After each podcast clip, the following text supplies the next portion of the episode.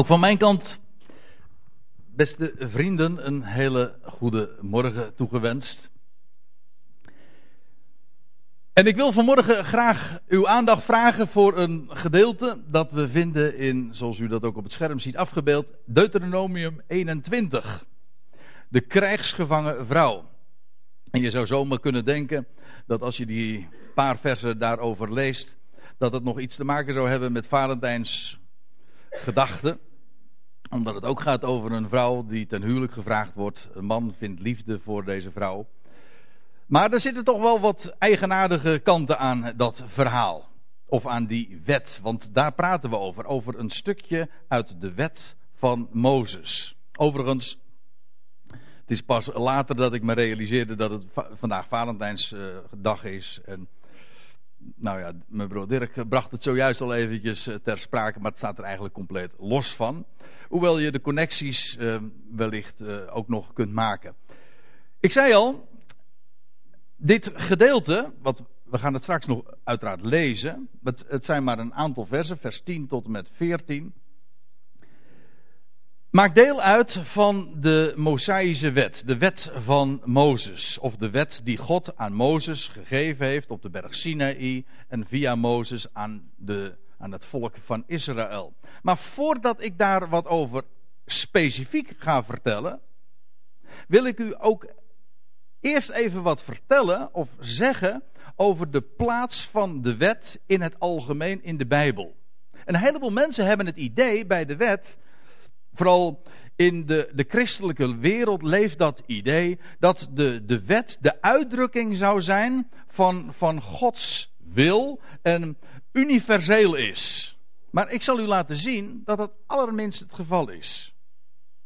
In de eerste plaats wil ik u laten zien, dat is de eerste opmerking die ik wil maken. De wet is er, ik zal het straks ook nog laten zien in Galaten 3. De wet is er bijgekomen, pas later in de geschiedenis. En bovendien ook totdat. Het heeft een tijdelijke functie.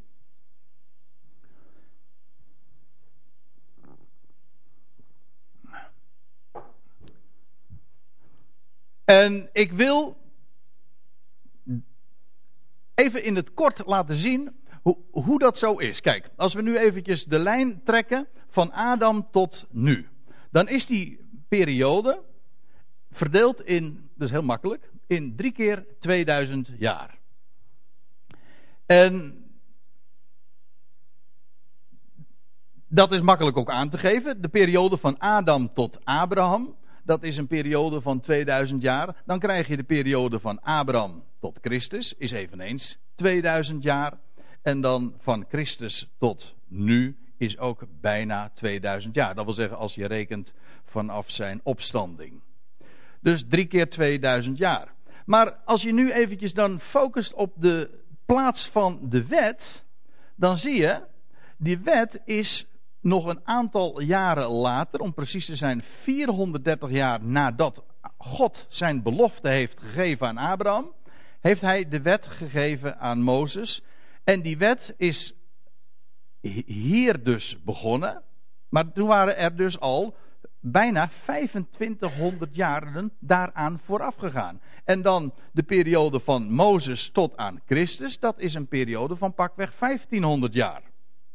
Dus als je nou de hele periode van het Oude Testament neemt, als je het even in een diagram uitbeeldt, dan krijg je de periode zonder de wet is aanzienlijk langer dan de periode dat Israël, één speciaal volk, niet de hele volkerwereld, maar één volk, gesteld is onder de wet. Dat zou je niet zeggen. Kijk, in wezen, wat wij weten over het Oude Testament, over de periode van het Oude Testament, ja, dat vinden we in, van Genesis tot en met Malachi. Maar er is maar één boek, namelijk het boek Genesis, dat gaat over deze periode. Maar dat, dat bestrijkt feitelijk de allerlangste periode. En van Exodus tot en met Malachi, dat is deze periode. Dus ik zeg dat ook om aan te geven dat de wet niet het hele Oude Testament beslaat. Het is er pas later bijgekomen. Paulus zegt in Galaten 3, hij zegt dit. Hij zegt, ik bedoel dit. Hij, hij legt het dan allemaal uit. Hij zegt, de wet, die is 430 jaar later gekomen. Dat wil zeggen later dan dat, uh, na het moment dat God ooit zijn belofte, zijn onvoorwaardelijke belofte aan Abraham heeft gegeven. Dat hij zei, ik zal jou gaan zegenen en in jou en jouw zaad zullen alle volkeren van de aardbodem gezegend worden. En zoveel meer beloften nog. Dat waren onvoorwaardelijke beloften. Wel, pas honderden jaren later ging, gaf God zijn wet. De tien geboden is daar de, de samenvatting van. Maar in wezen de wetgeving is veel uitgebreider. Daar hebben we het straks ook over. Wat we vinden in Numeri, in Leviticus, in Deuteronomium. Dat is dus pas honderd jaren na Abraham. En Abraham leefde al 2000 jaar na Adam. Een heleboel mensen hebben dat, misschien zijn zich niet echt van bewust van, van de plaats, ook chronologisch, die de wet in het Oude Testament inneemt. En daarom wijs ik u er ook even op. En het is ook de apostel Paulus die met name in de gelaten brief dat ook zo uitdrukkelijk naar voren brengt. De wet is er later bijgekomen. Veel later zelfs, verhoudingsgewijs. En dan een paar versen later lees je nog: De wet is een tuchtmeester. Er staat in het Grieks trouwens het woordje pedagoog. Een opvoeder. Iemand die een, een, een kind opvoedt. Namelijk tot volwassenheid. Wel, de wet is een tuchtmeester voor ons, voor Israël, geweest tot Christus. Dat wil zeggen, tot hij kwam die zijn leven gaf op Golgotha en opstond uit de dood. En juist zo ook de Christuswet. Toen Jezus hier op aarde leefde, was hij, leefde hij ook onder de wet. Maar toen hij opstond uit de doden, toen werd hij de Christus. Wel, die wet is een tuchtmeester geweest, een pedagoog vanaf Mozes, vanaf de Sinaï tot Christus. Een specifieke periode, een opvoeder. Toen Israël nog in kindsperiode leefde en onder de wet gesteld was. Totdat de volwassenheid zou aanbreken. Wel, Paulus brengt dat in deze brief zo naar voren. Hij zegt dan ook nog, een vers later, in vers 25, nu echter het geloof gekomen is, namelijk het geloof van Jezus Christus, want daarover heeft hij het. Niet als u, als u een MBG-vertaling hebt, dan leest u het geloof in Jezus Christus, maar dat staat er niet. Er staat het geloof van Jezus Christus. Daar gaat het om. Het gaat niet om ons geloof, Nee, het gaat om zijn geloof. Hij is de weg van geloof, van vertrouwen gegaan. En in die weg die hij gegaan is, daarin is onze redding. En daar geloven wij in. Maar het is niet ons geloof dat redt. Nee, het is zijn geloof. Dat is de basis. Ja. Wel. En dan staat er nu echter het geloof gekomen is, zijn wij niet meer onder die tuchtmeester, onder de die pedagoog. Dat wil zeggen, en daar, om het samen te vatten, die wet heeft dus een tijdelijke functie. Later is er erbij gekomen, bovendien, tot op een specifieke tijd. wil ik nog een tweede opmerking maken voordat ik naar Deuteronomium 21 ga. De wet is een schaduw. De wet is een schaduw. Dat betekent twee dingen. Een schaduw verwijst naar iets waar het licht op schijnt. Een schaduw verwijst altijd naar de werkelijkheid. Wat u hier ziet, dit is schaduw. Maar dit is niet de werkelijkheid. Nee, die fietsers hier, dat is de werkelijkheid. Die schaduw verwijst daar alleen maar naar. Niet meer, ook niet minder, dat is waar. Bovendien, de, een schaduw is in zichzelf duister. Het licht schijnt op de werkelijkheid. Dat is, dat is licht, ja. Maar wat het vervolgens veroorzaakt, dat is duister. En dat is de wet. De wet is een schaduw. Het verwijst naar de werkelijkheid, namelijk naar waar God al het licht op wil laten schijnen, namelijk op wie Hij is en wat Hij gedaan heeft in Zijn Zoon, Christus Jezus. Dat is de werkelijkheid. En wat hij allemaal voornemens is, dat is de werkelijkheid. De wet is, verwijst daar wel naar, maar is het het niet? Staar je dus niet blind op die wet, Die wet is heerlijk, staat er in 2 Korinthe 3. Ja, maar vergelijk het niet met de werkelijkheid. Want dan is het inderdaad een verhouding van licht en duisternis. Van, het, is in, het is een schaduw. Dat, ik hecht eraan om dat te zeggen. En dat is altijd van belang wanneer je de boeken van Mozes leest. Om dat in gedachten te houden. Dat het verwijst naar de werkelijkheid. Het is niet de werkelijkheid zelf, maar het verwijst naar. Het is in zichzelf ook dikwijls duister. Ook vaak bloederig. Het, het is zo. De Bijbel, Paulus zegt. Het is een bediening van veroordeling. Het is ook een bediening van dood. Ja. Maar ook profetisch. Nou, laat ik eerst eventjes die versen, voordat we daar nog wat dieper op ingaan, laat, ik dat eens lezen. Er staat in Deuteronomium 21, en ik ben er een week of wat geleden, kreeg ik van iemand die mijn site trouw bezoekt, kreeg ik een vraag daarover, want hij was betrokken geraakt in een uh, discussie op het internet. En dat ging over dit gedeelte. Dit gedeelte wordt dan aangevoerd door bijbelcritici, omdat, dat, omdat het toch wel aangeeft dat de vrouw wordt onderdrukt in de Bijbel. En dat werd, daarvoor werd dit gedeelte ook genoemd. En terwijl ik daarop reageerde, en hij vroeg mij, uh, wat, wat zijn jouw uh, gedachten daarover? Want hij zat daar toch een beetje mee. Toen heb ik hem een aantal dingen zo doorgegeven, die ik u vanmorgen ook vertel. Maar ik, toen ben ik daar nog wat dieper in gedoken. En toen zag ik dat het een, ja, een schaduw is, maar het is feitelijk ook profetisch. Het verwijst naar, een, naar de echte, naar de werkelijkheid. Nou, dat wil ik u laten zien. Voordat ik uh, dat doe, lees ik het voor. Er staat in vers 10 van dat Deuteronomium 21. Wanneer gij uittrekt ten strijde tegen uw vijanden. En de Heere uw God hen in uw macht geeft. Letterlijk in uw handen, in uw hand geeft. En gij hen gevangen maakt. Gevangenen maakt. En gij ziet onder de gevangenen een vrouw. Schoon van gestalte zodat gij behagen in haar hebt en haar tot vrouw wilt nemen. Dan zult gij haar in uw huis brengen. Zij zal haar hoofdhaar afscheren, haar nagels knippen. Het kleed dat zij bij haar wegvoering droeg, afleggen en in uw huis blijven om haar vader en moeder een volle maand te bewenen. Daarna moogt gij tot haar komen en haar huwen, zodat zij uw vrouw wordt. En dan hebt gij geen behagen meer in haar, dan zult gij haar laten gaan waarheen zij wil.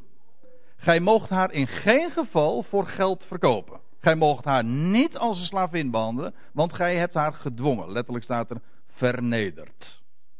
Dat is het gedeelte. En waarom dit in die internetdiscussie ter sprake komt, is omdat hier dit toch wel aangeeft dat zo'n vrouw in wezen een heel moeilijke positie innam. Toen heb ik erop gewezen, in de eerste plaats moet je ook uh, daarbij ervan bewust zijn dat deze wet juist is ook voor de bescherming van de vrouw. Dat zie je met name in dat, dat laatste vers, hè, dat er juist benadrukt wordt uh, dat wanneer zij weggestuurd wordt, dat zij in elk geval niet verkocht mocht worden als slavin waarmee deze, de hele teneur van deze verse eigenlijk is. Het mag dan een schaduw zijn, maar wat er de, de clue van het idee is, dat haar, de positie van deze vrouw, die in een moeilijke positie zich bevond natuurlijk, als krijgsgevangene, juist beschermd wordt. Wat in elk geval niet ermee mocht gebeuren. En het loutere feit dat daar dan in vers 14 staat: Hebt gij geen behagen meer in haar, dan zult gij haar laten gaan. Zeg, hoe kan dat? Ja, nou, ik zal u dit vertellen. Als je een paar, vers, een paar hoofdstukken verder leest, dan zie je iets soortgelijks. En later is het de Heer Jezus in de Evangelie die daar ook op ingaat. Dan staat er in Matthäus 19. Als daar een vraag komt van de schriftgeleerden en de fariseeën over het huwelijk, over echtscheiding. En dan zeggen ze van ja, God, uh, Mozes heeft toch bevolen om dat mannen hun vrouwen een, in bepaalde gevallen een scheidbrief zouden geven. Dat wil zeggen, uh, de scheiding, de echtscheiding zouden regelen. Nou, zegt, uh, zegt de Heer Jezus, dat is helemaal niet waar. Helemaal niet bevolen. Hij zeide, Hij zei tot hen, dat Jezus zegt tot die schriftgeleerde, Mozes heeft u met het oog op de hardheid van uw harten toegestaan, niet bevolen, toegestaan uw vrouwen weg te zenden. Maar, zegt hij, van den beginnen, vanaf Adam, is het niet zo geweest. Dat wil zeggen, die hele periode van Adam tot aan Mozes, was dat niet de gedachte en de bedoeling en de intentie. Ziet u? Maar dan wil ik op dat ene, wat ik met grote letters en vet gedrukt heb, eh, eh, erbij heb gezet. Met het oog op de hardheid van uw harten. Daarmee is in wezen iets aangegeven van het onvermogen van de mens. De wet, de wet brengt niet tot uitdrukking in de eerste plaats dat wat God doet maar ook het onvermogen van de mens. Kijk, ik had het zojuist uh, over dat vers 14, want daar zal ik me dan in eerste instantie eventjes nog toe beperken. Daarna gaan we over die, volgende, uh, die voorgaande versen wat zeggen. Maar hebt gij geen behagen meer aan? Dat wil zeggen, zijt gij niet langer in staat haar liefde te geven? Wel, zend haar dan weg, maar dan onder die clausules. Van niet in slavernij. Maar dat in wezen geeft dat aan de hardheid van uw hart. Dat wil zeggen, die man is niet langer in staat die vrouw liefde te bewijzen. Nou, in die gevallen wordt eh, de, haar positie, zeg maar, afgebakend en beschermd. Dat is het idee. Maar van den beginnen is het niet zo geweest. Dat wil zeggen, dit is niet de uitdrukking van, van Gods hart. Nee, het is de uitdrukking van het hart van de mens. Dat hart is met een D, ja. Ziet u? Maar dan, dan die voorgaande versen. Kijk, dat laatste vers geeft aan feitelijk dat, de, dat zo'n man onder de wet niet in staat was die vrouw liefde te bewijzen en haar dan moest laten staan. Nou, laten gaan. Dat was met het oog op de hardheid van de harten. Maar die eerste versen wil ik, daarvan wil ik laten zien dat is natuurlijk een stukje burgerlijke wetgeving, hoe dat dan zou moeten gaan wanneer eh, Israël in een strijd was verwikkeld en er krijgsgevangenen waren gemaakt. Nou, hoe, hoe, hoe moest dat gaan? Oké, maar het is een schaduw. Het is niet de werkelijkheid. Het verwijst naar veel hogere dingen. De wet is profetie. Dat is, dat is echt waar. De wet is profetie. Daarom vind je ook die woorden, en dat is meer dan eens, ik, ik heb hier geciteerd Matthäus 5, vers 17. Daar, daar zegt de Heer Jezus: Ik ben gekomen. Ik ben gekomen om de wet en de profeten te vervullen. Kijk, de profeten worden vervuld. Wat dat betekent dat profetie, voorzeggingen, worden vervuld. Dat wil zeggen, er gebeurt dat wat geprofeteerd wordt. Maar niet alleen die wet moet vervuld worden. Uh, pardon, niet alleen de profeten en de profetie moet vervuld worden, ook de wet moet vervuld worden. En daarmee is eigenlijk aangegeven dat die wet feitelijk ook gewoon profetie is. De wet is profetie. De wet spreekt over dingen die zouden gaan komen. Het verwijst naar iets. En ook dat moet, net als de profetie, die heel expliciet, heel uitdrukkelijk bepaalde dingen voorzegt. Wel, zo is het met die wet ook. Die wet voorzegt ook dingen. Maar dan meer in, in beeld, in typen, in allerlei bepalingen. Op talloze, talloze mogelijke manieren. Maar in al die gevallen is die wet vooruitwijzend. En moet die evenals de profetie vervuld worden. Goed, ik zal dat laten zien aan de hand van deze paar versen. Dat het maar hier niet alleen maar gaat over een oorlogssituatie en dat Israël met krijgsgevangenen teruggaat en dat er dan een man is die valt op een vrouw, etc. Dat is wel zo, maar dat is slechts een schaduw. Het gaat hier over veel grotere perspectieven.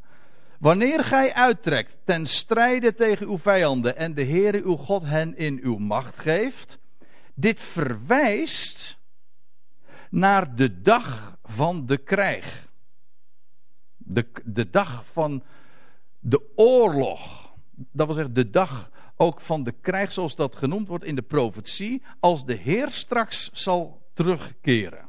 Nu is het zo dat de Heer niets van zich laat weten. Hij zwijgt in zijn liefde. Hij houdt zich verborgen. Maar er komt een dag dat hij in de openbaarheid zal treden en dan gaat hij orde op zaken stellen. Dan zal hij het ook op gaan nemen voor zijn volk Israël en hij zal strijden tegen de volkeren. Het is de dag van de krijg. Um, er staat in Zachariah 14, u kent die versen wellicht, de meeste van u zullen, zal het niet onbekend zijn. Daar staat, dan zal de Heere uittrekken, en dat gaat hier over de dag van benauwdheid voor Jeruzalem, als daar in het Midden-Oosten een, een, afschuwelijke oorlog zal uitbreken en eh, de volkeren ten strijde zullen, zullen trekken tegen Jeruzalem. Eigenlijk moet ik het anders zeggen. De Heer zal zelf die volkeren allemaal zo daar verzamelen. En dan staat er, dan zal de Heer uittrekken om tegen die volkeren te strijden. Oorlog dus. Zoals hij vroeger streed ten dagen van de krijg. Krijg, dat is oorlog.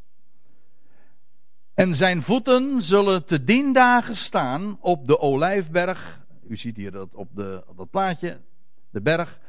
De olijfberg die voor Jeruzalem ligt aan de oostzijde. Nou, dat wordt dan in de navolgende versen dan ook nog beschreven. Het gaat me even om dit punt. Dat die dag van de krijg, waar het ook in, in Deuteronomium 21 over gaat, dat gaat maar niet zomaar over een willekeurige situatie. Het verwijst naar een veel grotere werkelijkheid dat de Heer zelf zal betrokken raken in een oorlog. Ja. De dag, de dag van de krijg. En dat hij zal optreden en als een krijgsheld. Zo wordt de Heer ook genoemd. Hij wordt een herder genoemd, hij wordt een koning genoemd, hij wordt een bruidegom genoemd. Maar hij wordt ook een krijgsheld genoemd. En hij zal het dan opnemen.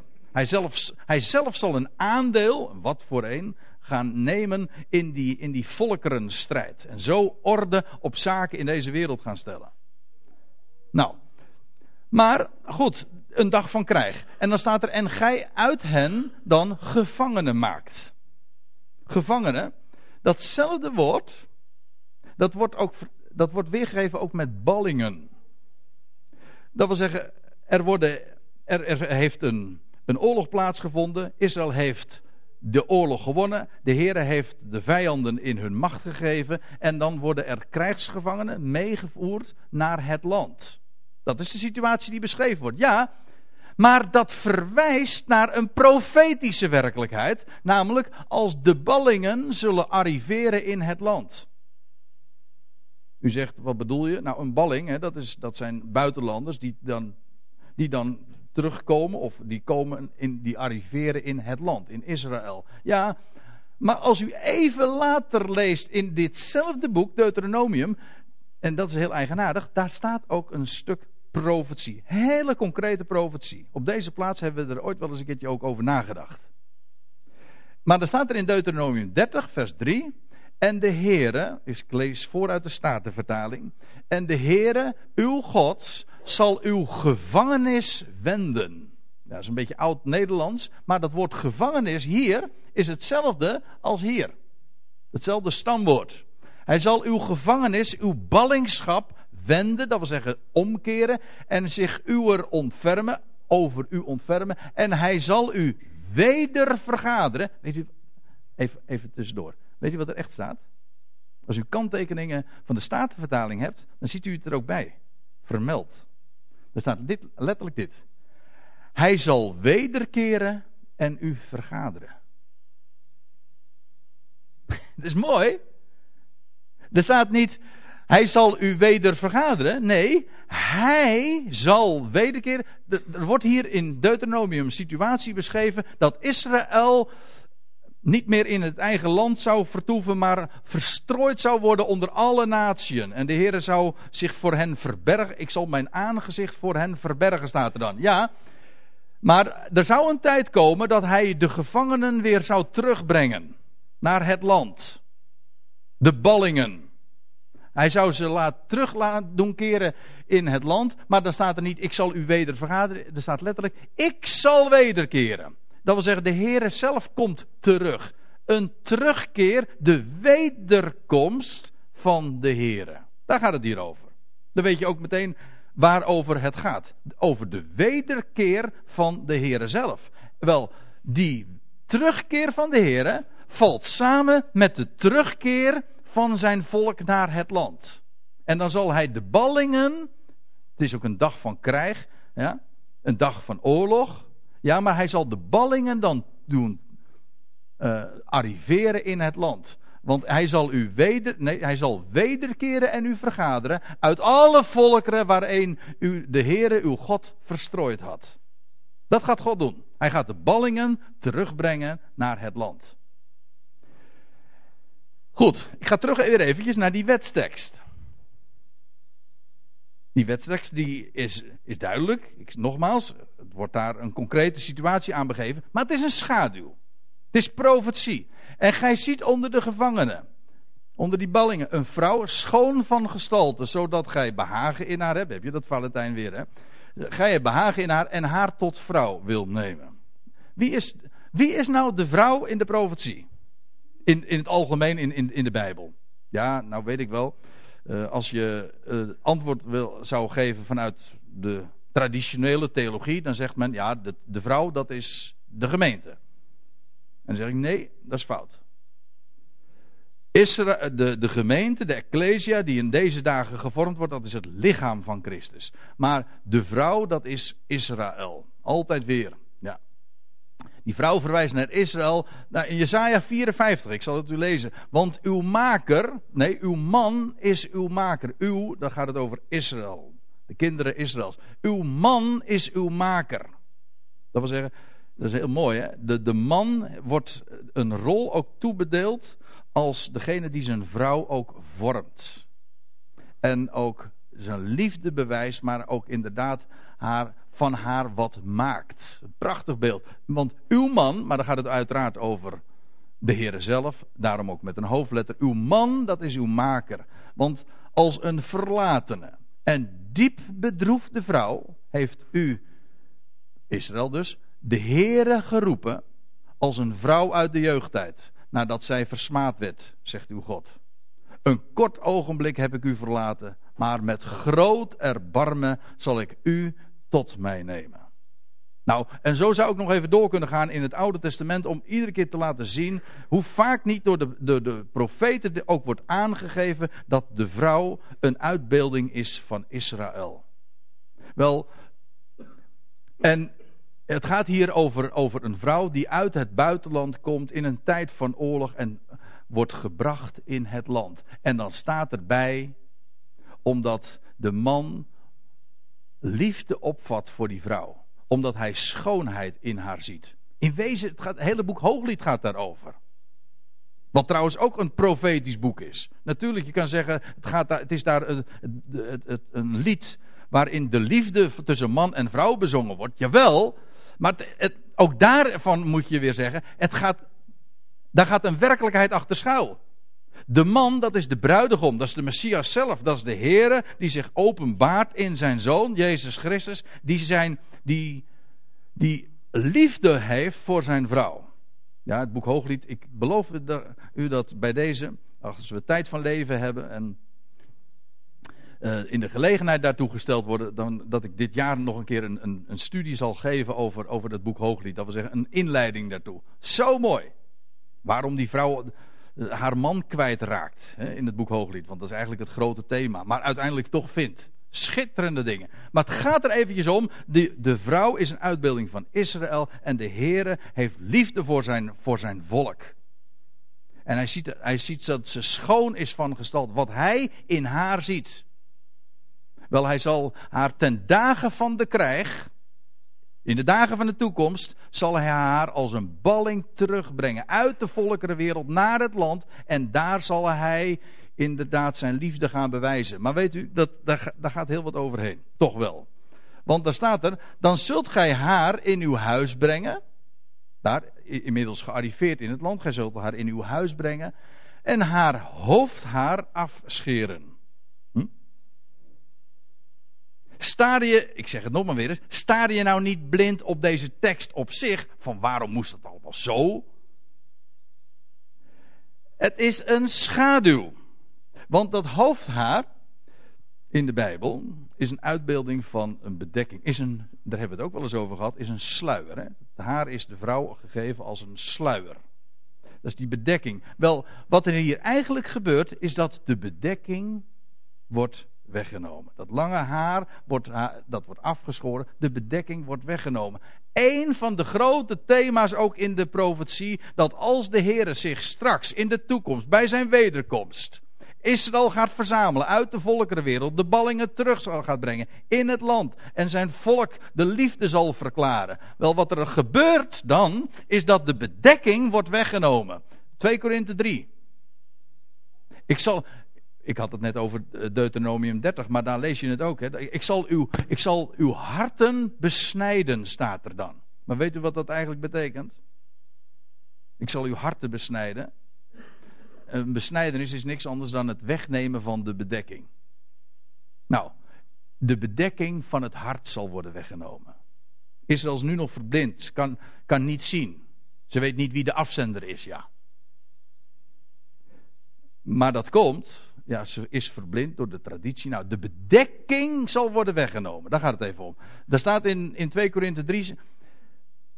Daar schrijft Paulus, ik lees het weer even voor uit de Statenvertaling, omdat het daar wat correcter wordt weergegeven. Maar tot de huidige dag toe, schreef Paulus toen al in zijn dagen, en, en dat is tot op de dag van vandaag uh, zo. Duurt niet lang meer. De 2000 jaren zijn bijna voorbij. Maar goed, tot de huidige dag toe, wanneer Mozes gelezen wordt, ligt een deksel, een bedekking op, haar, op hun hart. Doch, zo, wanneer het tot de Heere zal bekeerd zijn, Israël, zo wordt het deksel weggenomen. De bedekking, de sluier, de bedekking wordt weggenomen. Dat gaat er gebeuren wanneer, wanneer het moment zal eh, komen en de Heer zich zal bekendmaken, dan zal hij inderdaad dus de bedekking wegnemen. En dat wordt uitgebeeld dus hier ook in het feit dat, die, dat het hoofdhaar afgeschoren wordt. Dan zullen ze ook gaan zien wat er allemaal echt in die wet van Mozes staat. Kijk, Israël heeft al die bepalingen, ook waar we het nu over, vandaag over hebben, die hebben ze bestudeerd en in de Talmud becommentarieerd. En daar, daar, daar houdt men zich aan. Maar men leest het feitelijk oppervlakkig. Men kijkt alleen maar naar de tekst, hoe het er precies staat, als een gedragscode. Ja, maar dat is oppervlakkig. Dat is de bedekking namelijk. Het gaat erom wat er onder die oppervlakte ligt. En onder die oppervlakte wordt er gewezen naar de werkelijkheid in Christus. Ik heb het net niet meer afgebeeld, maar in 2 Korinthe 3 daar staat ook dat Christus de inhoud is van die wet. Daar zal men hem kennen waar die hele wet over spreekt, namelijk over hem. Ja. En dan zal men ook gaan verstaan dat zo'n wetgeving als in Deuteronomie 21, en het is maar een willekeurig voorbeeld. Want er zijn honderden voorbeelden daarvan te geven in de wet. Maar al die dingen, specifiek, stuk voor stuk, gaan allemaal over iets over de werkelijkheid in Christus. Ja. Er staat nog iets bij. Uh, haar nagels knippen of haar nagels doen. Uh, dat zou er gebeuren. Ogenblikje hoor. Uh, gij zult haar in uw huis brengen. Zij zal haar hoofdhaar afscheren. Oké, de bedekking wordt weggenomen. Haar nagels knippen. En het kleed dat zij bij haar wegvoering droeg. Letterlijk staat er het kleed van haar gevangenis. Het kleed dat nog herinnerde aan de, de, gevangenis, aan de ballingschap. Uh, dat zal zij afleggen. Alles wat herinnert aan vroeger, daarvan wordt ze gereinigd. De nagels is trouwens, dat is, een verhaal apart. Maar een nagel is feitelijk dood. Hè? Dat is een van de, met het haar trouwens. Is is, zijn de nagels het enige, de enige onderdelen van het lichaam die niet gekenmerkt wordt door leven, maar door dood. Daarom kun je nagels ook gewoon afknippen zonder dat het pijn doet. Hm? Een nagel is dood. Wel, dat, de nagels worden geknipt. Het kleed dat zij bij haar wegvoering droeg, zal ze afleggen. Alles wat herinnert, dat is ook een hygiënische maatregel, ongetwijfeld. Er zal oppervlakkig gezien zijn er nog veel meer dingen over te zeggen. Maar het gaat mij nu weer om de werkelijkheid. Waar het werkelijk op sloeg. Wel, ze zal gereinigd worden van alles wat herinnert aan vroeger. Ja, en er staat er nog iets bij. En in, en in uw huis blijven. Dus als dat gebeurd is, de hoofdhaar wordt afgeschoren, dus de nagels worden gedaan. Het kleed wat ze had, wat ze droeg, het kleed van haar gevangenis, van, dat ze droeg bij haar wegvoering, dat zal ze afleggen. Het oude is voorbij gegaan, dat, daar wordt een punt achter gezet. Je zou haast iets van de Efezebrief er ook naast nog kunnen leggen. nu gij Christus hebt leren kennen, leg de oude mens als een kleed af. Alles wat herinnert aan vroeger, aan de ballingschap, aan de tijd van uw smaad, afleggen. Iets nieuws valt aan. Een hele nieuwe werkelijkheid. Zo'n vrouw, ja, die leerde ineens een man kennen. En als je weet waar, waar die man werkelijk van spreekt, namelijk van de Heer, ze zal hem leren kennen. En ze zal zijn liefde gaan ondervinden. En alles wat herinnert aan vroeger, daar zal een punt achter gezet worden. Ik zal uw smaad, de doodsheid, dat wat, wat je kenmerkte ooit in het verleden, dat zal, zal, daarvan zal je worden gereinigd en schoongemaakt. En er staat er nog bij, ze zal in uw huis verblijven om haar vader en moeder een volle maand te bewenen. Ze mag dus, uh, het is eigenlijk een periode ook van rouw, het punt zetten achter haar hele verleden. Maar dat is precies ook, nu ga ik weer even meteen verwijzen naar de werkelijkheid, want dit is maar schaduw. De werkelijkheid is dat als de Heer zijn volk zal terugbrengen uit de ballingschap, ten dagen van de krijg, en hij brengt hen in het land, wat gebeurt er dan? Ze zullen, over, ze zullen rouw klagen. Ja, daar staat in, in Zachariah 12, ik had het net over Zachariah 14, maar hier in Zachariah 12, dan lees je, doch over het huis van David en over de inwoners van Jeruzalem, zal ik uitstorten de geest van de genade en de gebeden. God stort dat er gewoon uit. Daar wordt niet om gevraagd. Ik, we hebben net een heel mooi lied gezongen over één vonk is al genoeg. Hè? En um, hoe, ging het? Dat derde couplet. Ja. Um, de mensen weten niet dat God hen werkelijk lief heeft. Dat is waar. En ik, ik vind het een schitterend lied. Er, was, er zat één regel in. Toen dacht ik van, is dat zo? En ik, nou, ik dacht niet, dat, is dat zo? Ik dacht, dat is niet zo. maar goed, nou heb ik dan toch een gelegenheid om het eventjes recht te zetten. Want er staat van, en dat als je het aan hem vraagt, dat hij zijn liefde dan ook aan jou geeft. Maar zo gaat het niet. Het is niet als je hem vraagt dat hij jou dan ook zijn liefde gaat bewijzen. Of dat hij, hoe, hoe stond het precies in het lied? Hm? Nou ja, Nee, het is niet als je het hem vraagt. Wel, we hadden het de vorige keer nog over Paulus, weet u wel. Die, op, die, die ziedend op weg was naar Damascus om die, die vervloekte christenen uit de weg te ruimen. En onderweg werd hij gewoon overweldigd door Gods genade. Hier het, het zal iets soortgelijks gebeuren met, met, met de inwoners van Jeruzalem. De geest van de genade en de gebeden zal over hen worden uitgestort als een, als een stortbui. Daar vraag je niet om. Hè. Dus weer, dat, dat regelen wij niet, dat overkomt je. Dat is met een stortbui, overkomt je. Ja, maar dat is met Gods genade ook. En met de geest van de genade, die, die, daar wordt, die overweldigt een mens. Onwederstandelijk. Nou, dat gaat met Israël gebeuren. Ik zal uitstorten de geest van de genade en van de gebeden en zij zullen mij aanschouwen. Ik heb het expres weer uit de Statenvertaling geciteerd, want er staat in de MBG-vertaling, ze zullen hem aanschouwen, maar dat staat er niet. Ze zullen mij aanschouwen. De Heere is hier zelf aan het woord. Ze zullen de Heere zien, dat wil zeggen in zijn openbaring, in zijn beeld. Ze zullen mij aanschouwen die zij doorstoken hebben. En ze zullen over hem, nu staat er wel weer hem trouwens. Ze zullen over hem rouw klagen. Als met de rouw klagen over een enige zoon. Dus als zij want het gaat hier ook, ook, uiteraard ook over Israël. De Heer zal zich bekendmaken aan zijn volk. Zijn voeten zullen staan op de olijfberg. Ze zullen hem aanschouwen. En ze zullen zien van dat degene die zij hebben aangeroepen. En die in die dag van benauwdheid. Want vergis je niet hoor. Er gaat een dag van enorme benauwdheid komen. En dan gaat Israël iets doen wat ze al duizenden jaren principieel niet doet. Namelijk de naam van God aanroepen. Nu zeggen ze altijd nog Hashem of weet ik van wat voor benamingen, de gezegende. Al, is allemaal eerbied, ongetwijfeld. Maar ze zullen iets gaan doen wat ze tot dusver nooit gedaan hebben. Tot nu toe nooit gedaan hebben. Namelijk zijn naam aanroepen. En dan zal hij verschijnen. Dan zal de Heere verschijnen. En wie zien zij? Degene die ze ooit doorstoken hebben. En dan zal er een rouwklacht aangegeven worden. Ja. Een rouwklacht over een enige zoon. Maar het gaat hier ook over de enige geboren zoon. Ja, ik, op, nog, op, op nog iets eigenaardigs te wijzen. Er staat, en in uw huis blijven om haar vader en moeder dan een volle maand te bewenen. Dat wil zeggen, een rouwklacht is daar dus. Over wat er was. Ja, en er staat er nog iets. Een volle maand. Uh, ja, een volle, letterlijk staat er een maand der dagen. 30 dagen.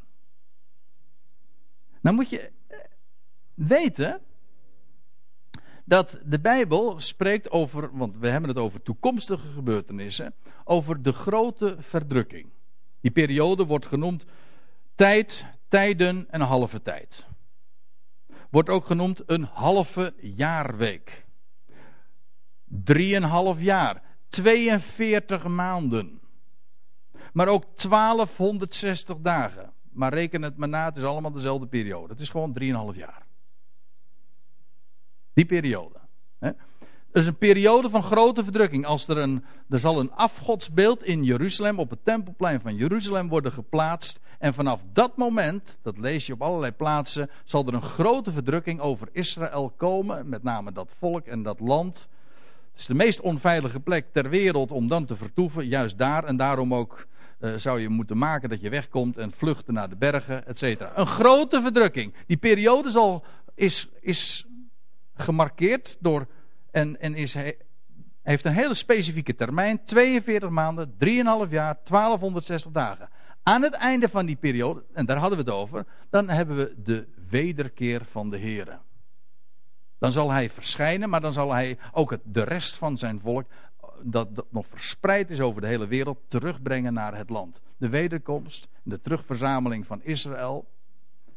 En dat deel van Jeruzalem, waar we het zojuist over hadden, die hem dan daar op de olijfberg zien verschijnen. Nou, ik, ik begrijp als u hier niets van weet dat het allemaal misschien wat gaat duizelen. Maar één ding moet toch duidelijk zijn: dat de Heere straks zal verschijnen en dat zal een einde betekenen van de grote verdrukking. Ja. En vanaf dat moment zal ook het volk worden terugverzameld uit de ballingschap. Ja.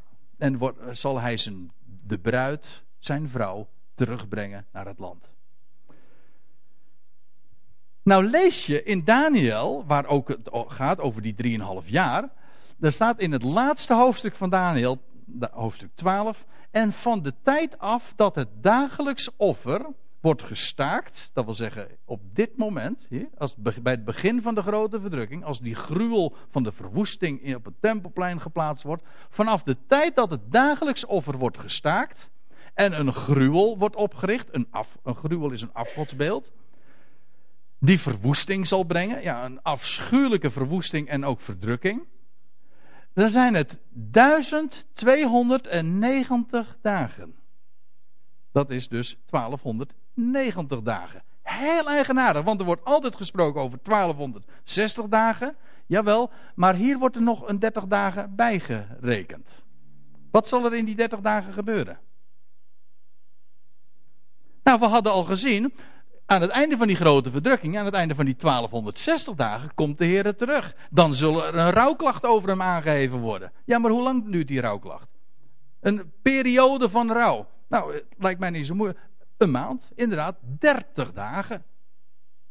Een volle maand zal, die, zal er een, een rouwklacht worden uitgeroepen. Dat is die, er wordt nog een periode hier in Daniel 12 genoemd. Ik wil niet in, de, in die details treden. Het gaat mij puur even om het punt dat aan het einde van die 1260 dagen worden er nog 30 dagen aan toegevoegd. En dat is, een, dat is er de periode, een volle maand van rouwklacht. Ja. Nou, nou komen we bij het einde van dat gedeelte, want dan staat er daarna, daarna, dat wil zeggen nadat zij haar hoofdhaar heeft, afge, heeft laten afknippen, de bedekking is weggenomen en eh, de nagels zijn gedaan, het kleed is afgelegd. Wel, een, een, een, een, een periode van, van een rouwklacht is geweest. Daarna moogt gij tot haar komen. Dat wil zeggen, vindt het huwelijk plaats, de huwelijksgemeenschap. Het is eigenlijk een beetje een eufemisme van dat daar sprake is van geslachtsgemeenschap. Daarna mocht gij tot haar komen en haar huwen, zodat zij uw vrouw wordt. Dit is een wetstekst, die gaat over een krijgsgevangen vrouw. Maar één ding heb ik u duidelijk willen maken. Het kan zijn dat bepaalde details u nu ontgaan. Maar één ding moet toch u in ieder geval niet ontgaan zijn. Dat is dat ook deze verse verwijzen naar de werkelijkheid, naar profetische waarheid. Namelijk naar de man, de Heere zelf. Die als een bruidegom zijn vrouw Israël zal brengen naar het land, haar zal huwen en een einde zal maken aan al het oude, de bedekking zal wegnemen, etc. Het is precies wat in de profetie ook genoemd wordt een nieuw verbond. Maar een nieuw verbond betekent een nieuw huwelijksverbond. Dat wordt altijd met elkaar uh, in verband gebracht in de, in, in de Bijbel. dat Israël, Israël is gehuwd door, door haar man. Ja, en, daar, en daar is, zij, er is ook een echtelijke woning. Dat wil zeggen het land. Dat is, dat is de woning waar de man en de vrouw samen wonen ja, et cetera. Maar de Heer kondigt een nieuw verbond aan, een nieuw huwelijksverbond. En daar, de, de profeten, Ezekiel, Jezaja spreekt daarover. Maar met name Hosea, die dat trouwens in zijn leven ook, ook, heel uitdrukkelijk heeft moeten uitbeelden. Weet u nog, dat hij een, een, een, een hoer moest huwen en haar dan een aantal dagen apart moest zetten. Allemaal met betekenissen. Wordt ook uitgelegd. Waar het om gaat is dit wat in Hosea 2 ook beschreven wordt. Ik zal u, ik, dat is de Heer. Ik zal u, Israël, mij tot bruid werven. Voor eeuwig, dat wil zeggen voor de aion. Ik zal u mij tot bruid werven door gerechtigheid en recht. Door goede tierenheid en ontferming. Kijk, die man waar we het over hebben in, in Deuteronomie 21, dat was misschien een willekeurige man. Soms zou die in staat zijn om, om, om die vrouw liefde te bewijzen en haar goede tierenheid te geven. Ja. Maar soms ook helemaal niet. dan vanwege de hardheid van zijn hart moest hij haar uiteindelijk gewoon weer laten gaan. Ja, maar waar, het, waar de, de man met een hoofdletter van spreekt, die zal niet teleurstellen. Die zal die vrouw brengen in het land en haar zo een geweldige tijd gaan geven. Hij zal haar werkelijk bevrijden en hij zal haar huwen. En aan al het oude zal niet meer gedacht worden. Ik zal u tot bruid maken door goede tierenheid en ontferming. Dat wil zeggen, ik zal me ontfermen, mijn liefde aan, aan dat volk gaan geven. En ik zal u mij tot bruid werven door trouw. En gij zult de Heere kennen. Dat wil zeggen, hem ook lief hebben en gemeenschap met hem hebben. Want kennen in de Bijbel is hetzelfde als gemeenschap hebben. Dat gaat er gebeuren met het volk Israël, weet u. En dat is zo'n belangrijke uh, dag die, die de Bijbel beschrijft. Als de Heere zijn volk Israël tot bruid zal werven, haar terug zal brengen in, in de woning waar ze hoort. Want dan gaat er een bruiloft gevierd worden. Op de derde dag is er een bruiloft. Hm, daar, weet, daar weet ik alles van, want ik heb het ooit zelf ook gedaan. Op een dinsdag ben ik getrouwd. Of zijn we getrouwd. Op de, dat lees je in Johannes 2. Op de derde dag was er een bruiloft. Ja, ja. Maar na twee dagen van duizend jaar zal er een bruiloft gaan plaatsvinden. De, de Heere zal zijn volk terugbrengen uit de volkerenwereld. En hij zal zijn volk huwen.